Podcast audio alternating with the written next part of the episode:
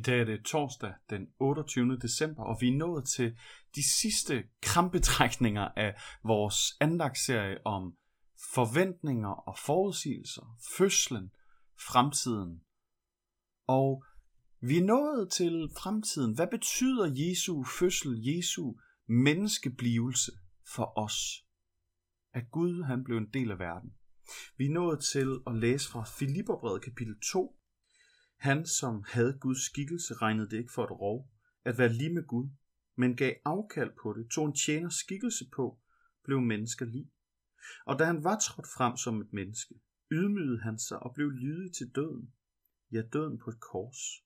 Derfor har Gud højt ophøjet ham og skænket ham navnet over alle navne, for at i Jesu navn hvert knæ skal bøje sig, i himlen og på jorden og under jorden, og hver tunge bekende Jesus Kristus er Herre til Gud Faders ære. Amen. Det her er Filipperbrevs hymnen, formentlig en af de første kristne poetiske sange, som ikke er jødisk, men kristen i sit udtryk. De kristne sange var jo salmerne fra salmernes bog, men det er tydeligt, at efterhånden som den kristne kirke blev mere multikulturel, multietnisk og med baggrunde for eksempel fra andre religiøse grupper, hvor folk kom ind og blev Jesus troende i stedet, så udviklede der sig sin egen sangtradition. Og her der får vi poetisk fremstilling af, hvad Jesu fødsel og menneskeblivelse betyder ind i vores verden. Paulus han beskriver, hvordan Jesus, der havde Guds skikkelse, han var lige med Gud. Han var i intim enhed, treenighedens enhed fra evighed af. At han opgav det velvilligt, blev som en tjener, altså som et menneske, fordi det er jo netop menneskets lod. Det er det, vi er skabt til at være. Vi er skabt til at være forvaltere, altså at lave noget med det, som Gud har givet os ansvar for. Det, som i virkeligheden er Guds. Han blev menneske trådte frem, og fra starten af ydmygede han sig. Han blev en baby. Han blev ikke født ind i magt og indflydelse, men også som den Jesus, vi kan læse om i det nye testamente som voksen. Der var han ydmyg. Han tog ikke den store plads. Og han blev lydig over for Gud helt til døden. Han viste os, hvad det vil sige at have tillid til Gud hele vejen. Og hvad var det, han gjorde det for?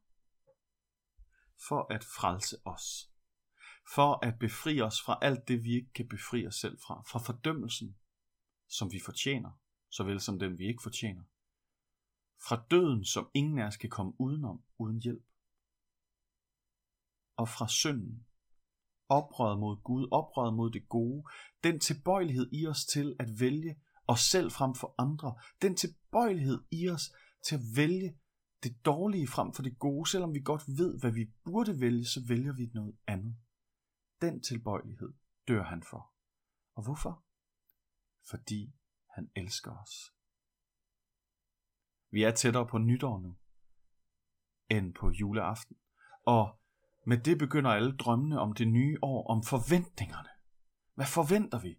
Det du kan forvente som troende, det er, at den mand, det menneske, den Gud, som blev barn, som ikke, selvom han retmæssigt kunne tage det, tog al magten i den her verden, han vil være for dig i det nye år.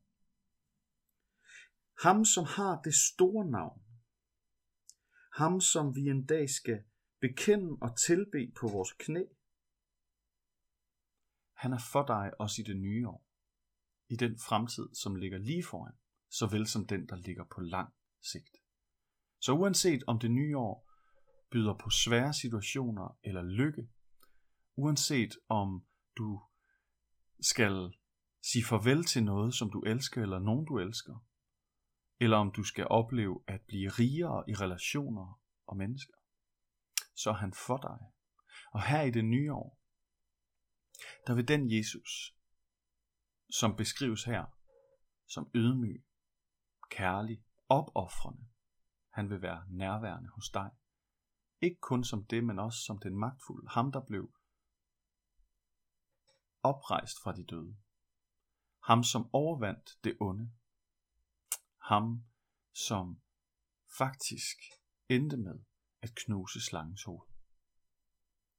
Lad os bede til ham nu for det nye år, for fremtiden.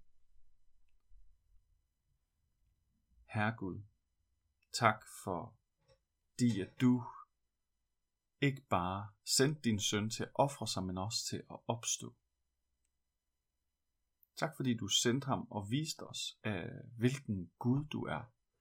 At du ikke er magtens Gud, men du er kærlighedens Gud. Jesus, vi beder for det nye år for alle os, der er med her. Den fremtid, der ligger lige foran os, at du vil være nærværende og hjælpe os til at leve og lære af dig midt i det.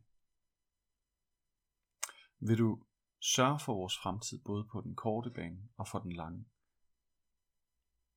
Jesus, vil du give os tro, så vi kan glæde os til at se og tilbe dig som vores Herre med alt, hvad vi er.